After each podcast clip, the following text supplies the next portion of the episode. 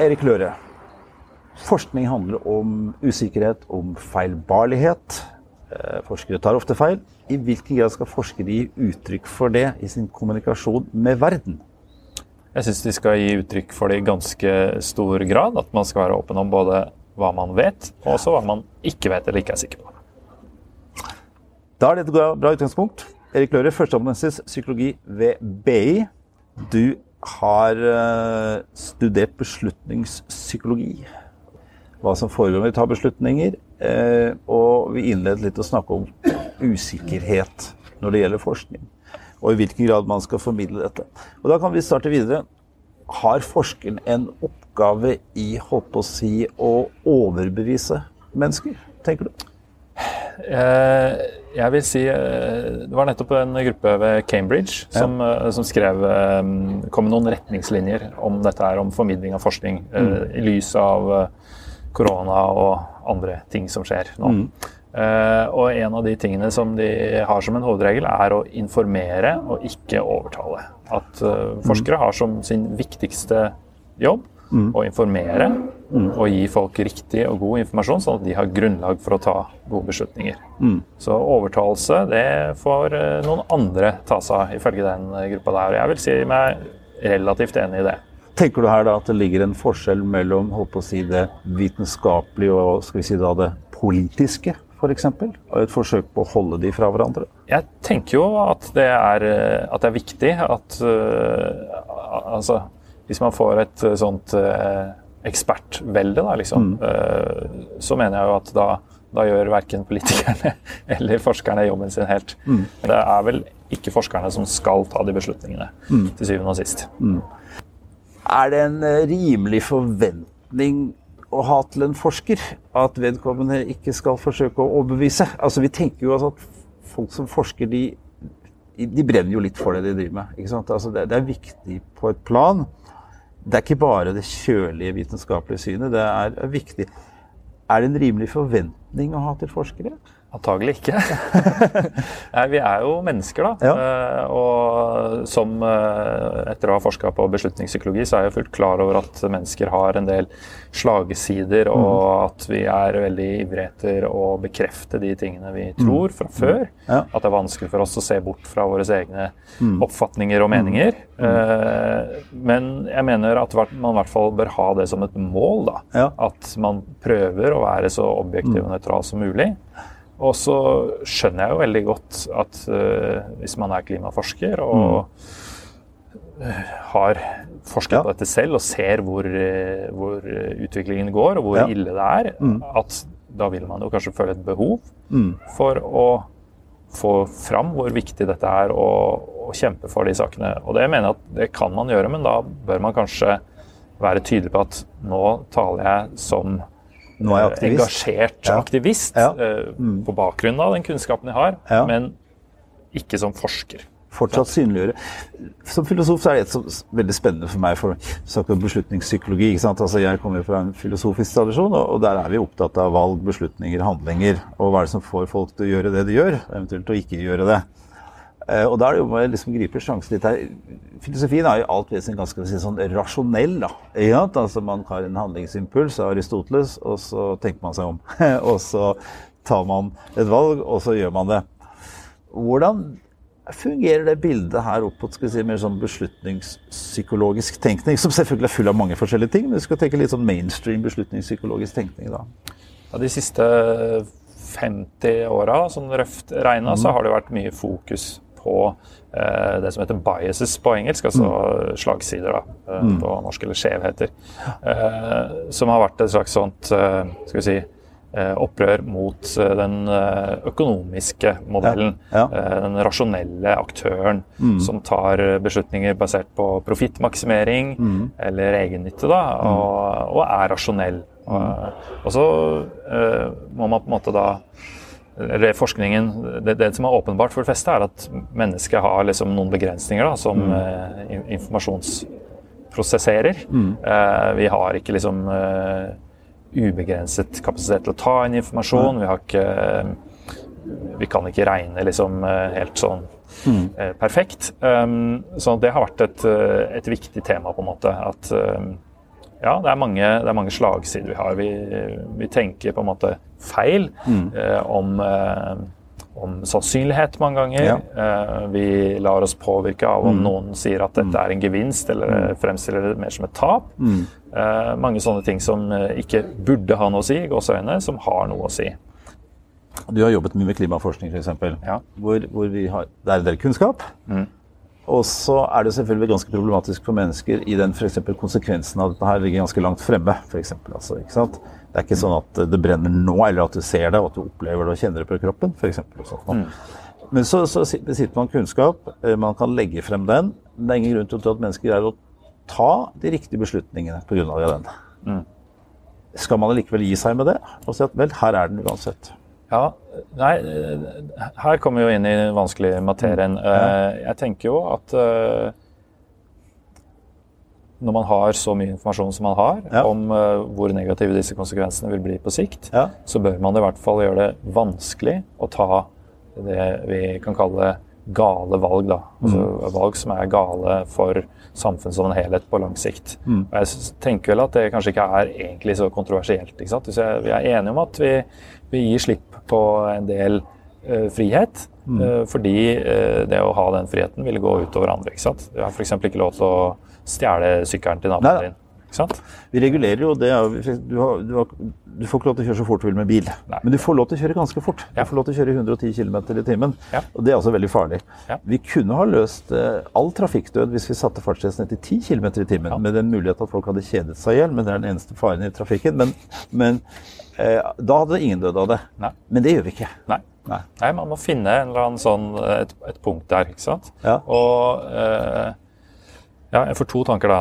Det ene er at man, man må kanskje liksom prøve å bevare frihet eh, på den måten at eh, ja, du kan få lov til å kjøre i 150 til og med. Mm. Bare at da risikerer du å måtte betale masse penger eller komme i fengsel. Ja, ja det er ikke noe problem å bryte loven. Det, det, det går an. Ja, ja, eh, og, og, man kunne gjøre det på samme måte med eh, klimagassutslipp. Mm. Man setter en, eh, en skatt. Mm. Eh, du må betale så og så mye mm. hvis du slipper ut. Du bevarer fortsatt friheten til å mm. Mm. slippe ut så mye du måtte ønske, mm. men det er klart at det avhenger av at du er villig til å betale for det.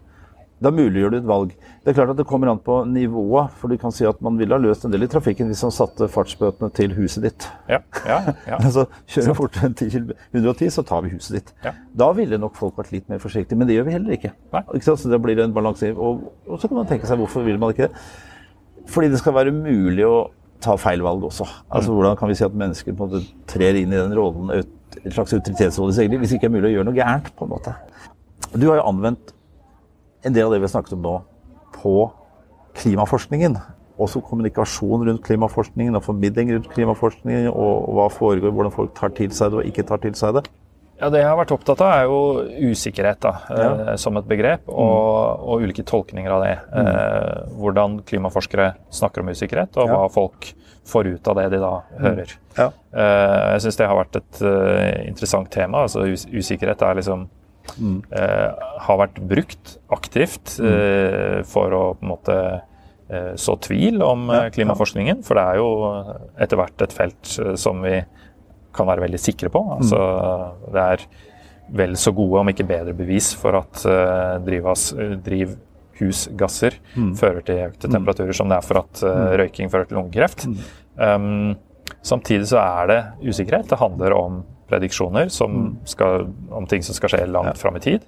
Så det, vi må være, som med all annen vitenskap, eh, åpne på at her er det masse usikkerhet. Så, altså, Den vitenskapelige metoden i seg selv er jo fals falsikasjonistisk, som vi sier. Altså? Altså, man, man, det er jo det man jobber med. Altså, man forsøker å etablere hypoteser som eventuelt kan falsifiseres. Og enn så lenge er det ikke det, f.eks. Og, da, og mm. da står de Og det igjen, men den populære hvordan blir dette her opp mot en mer populær forståelse av vitenskap av type forskere har vist altså skjønner Som, som en slags, slags, lengsel etter sikkerhet, da. Ja. Kanskje som ligger både i befolkningen og ikke minst hos politikere. Altså sånne tvilspåstander, det er ikke politisk morsomt i det hele tatt. Forskere tror kanskje at Ja, nei, det er nok eh, Altså det, jo, det, stemmer jo at uh, folk til en viss grad har en sånn aversjon mot uh, usikkerhet. Vi liker at ting er mm. forutsigbare, vi liker mm. å ha kontroll og alle disse tingene her. Mm. Samtidig så er vi uh, åpenbart i stand til å håndtere usikkerhet ganske bra. Mm. vi vi kan eh, liksom bestemme oss for at eh, jeg tar og flyr, jeg. Selv om eh, det er, liksom, det er jo en liten sannsynlighet da, for at det går mm. dårlig. liksom. Ja, ja.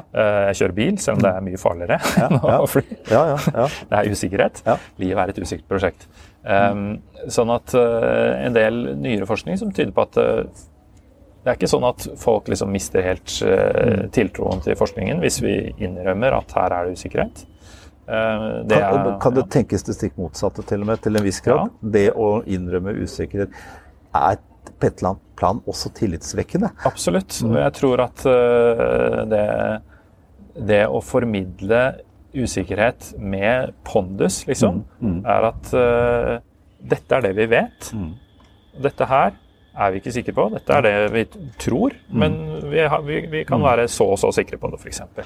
Uh, så, så det, jeg har, uh, det, jeg har, sett på, er jo liksom hvordan folk tolker dette med usikkerhet. Mm. Uh, en måte som folk tolker det på, er jo at usikkerhet betyr at vi ikke vet. Mm. det er ikke nødvendigvis sant. Nei. Vi kan vite ganske mye, mm. men vi vet ikke akkurat hvor mye temperaturen vil stige, f.eks. Vi er nesten 100 mm. eller 100% tror jeg vi kan si, sikre på at den vil stige, men mm. Men uh, vet ikke akkurat hvor mye. ikke sant? Ja. Så det er en usikkerhet her, mm. samtidig som vi er ganske sikre. Mm. Uh, så det er én ting. En annen ting er at um, uh, folk kan tro at hvis jeg sier at det er usikkert hvor mye temperaturen vil stige, mm. så vil mange tenke ja, da vil den vel ikke stige så mye, da. Det er usikkert at den stiger, f.eks. Ja, sånne kategorifeil. til en viss grad. Mm. Mens uh, da har jeg gjort eksperimenter som viser at uh, at folk på en måte tenker at ok, hvis jeg sier at temperaturen vil stige ca. to grader, da, mm. og det er litt usikkerhet rundt det, så mm. tror jeg at usikkerheten i større grad går nedover. Mm. mm. Og da tenker jeg at det er viktig når, når forskere formidler usikkerhet, at de understreker det. Mm. Det er usikkerhet. Det kan bety at det blir mye verre mm. enn vi har trodd også. ikke sant?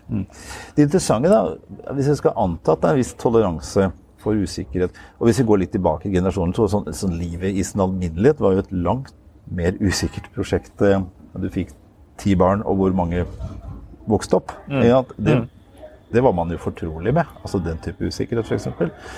Eh, har det skjedd noe Hvis folk i utgangspunktet har en slags aksept for den usikkerheten, og den usikkerheten ligger i forskningen, er det et sted hvor eh, man har krevd mer sikkerhet, egentlig, eh, for å altså, Skjønner hva jeg mener? Jeg, og jeg vil ja, innenfor politikken, innenfor media? altså Ligger det sånn annet krav om sikkerhet der?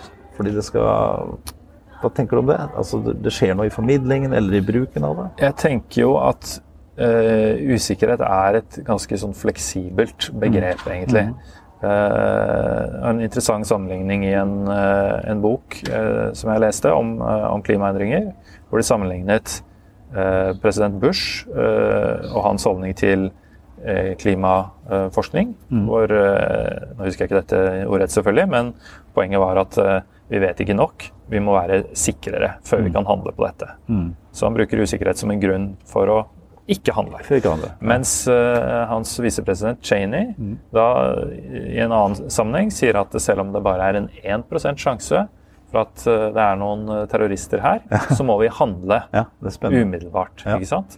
Så du ser at du kan ha 99 sikkert ja. på den ene siden, men det er ikke nok. på en mm. måte. Mm. Mens 1 mm. for noe annet kan være mer enn nok. Og Da vet vi at der, så, da ligger ideologi under, egentlig. her. Absolutt. Ikke sant? Og, og, så, i, i, Hvordan vi forholder oss til usikkerhet, er allerede styrt av noe litt mer underliggende.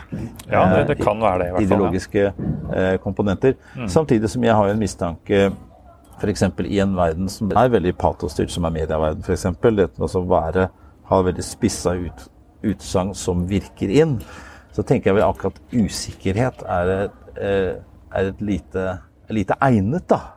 Eh, altså, desken er ikke så glad i, eh, i det begrepet at, det, at media betvinger mm. det hele litt. Ja, det, det, har nok vært en tendens til det. Mm.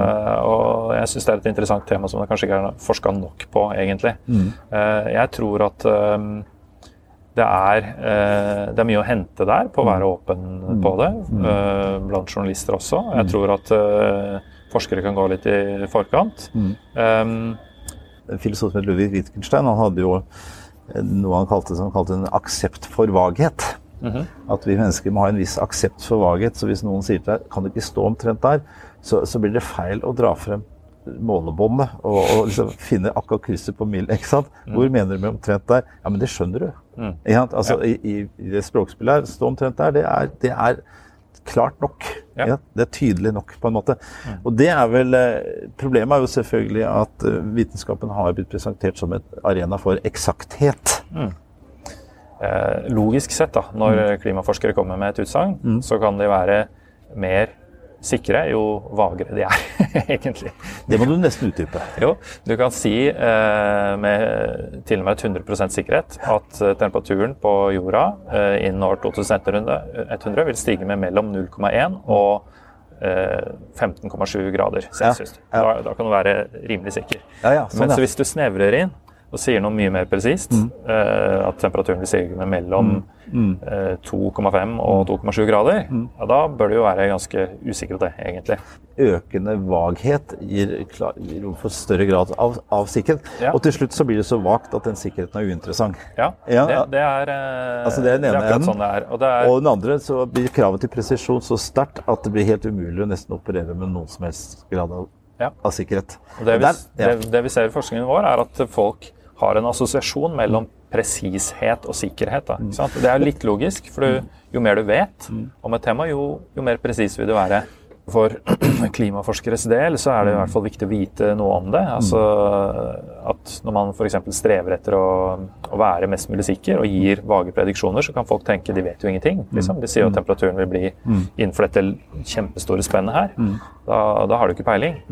Eh, så da kunne det kanskje være en idé å, å gi begge deler. ikke sant? Å si jo, vi kan gi deg dette her, som er et eh, smalt og snevert og ganske presist anslag, mm. men det kan vi ikke være helt sikre på. Mm. Hvis vi skal være sikrere, så kan vi si at det vil bli innenfor disse ekstremene her. Liksom. Uh, så både og.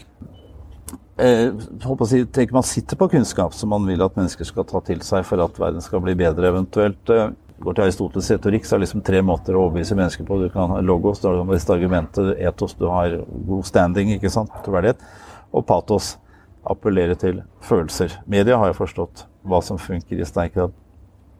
Det, kan det være mer effektiv vei inn til menneskene, også fra det å formidle vitenskap i sterkere grad? Uh... Patos, tenker ja, du på? Ja. Eh, jo, jeg tror absolutt eh, at, at, det kan være en måte å ja. uh, få oppmerksomhet ja. uh, om ting på. og Det kan det nok være. Og det, det, ser vi jo at uh, det, det, brukes av både politikere og media og vitenskapsfolk ja. også, det, uh, i stor grad. Um, men um, man skal kanskje være litt forsiktig da, med å mm. overbruke patos. Mm. Altså, det, det, bør være viktig for, for forskere mm. som formidler vitenskap, å, å ha troverdighet mm. på lang sikt. Ja. Uh, og da uh, da bør man kanskje ta på seg liksom forskerhatten og være relativt nøytral om dette her. For, fordi en av de sterkeste følelsene er frykt. Selvfølgelig. Det er ja. de følelsene som, som, ryster oss og driver oss mest når det er følelser. Mm. Men det du antyder her som blir spennende, er at det kan være et, en kortsiktig gevinst for forskningen men, og formidlingen, men ikke nødvendigvis en langsiktig gevinst? Ja, ja jeg antyder kanskje det. Og jeg tror det, altså det kommer litt det kommer litt an på hva som er målet. da, på en måte. Mm. Uh, I en krisesituasjon mm.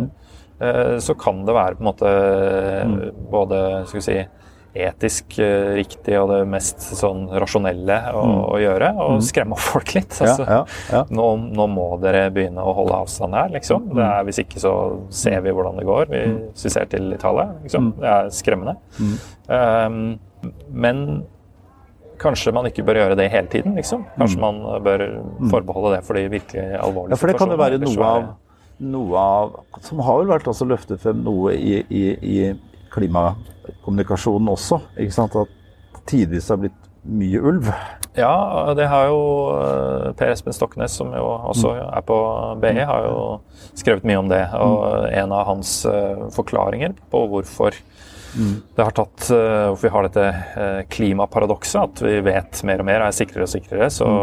er befolkningen ikke nødvendigvis det, Nei. er jo denne doom og gloom, altså mm. dommedagsprofetiene. ikke sant? Mm. At uh, hvis ikke vi gjør noe innen uh, ti år nå, så går verden ad undas. Mm. Uh, og det har den jo vitterlig ikke gjort.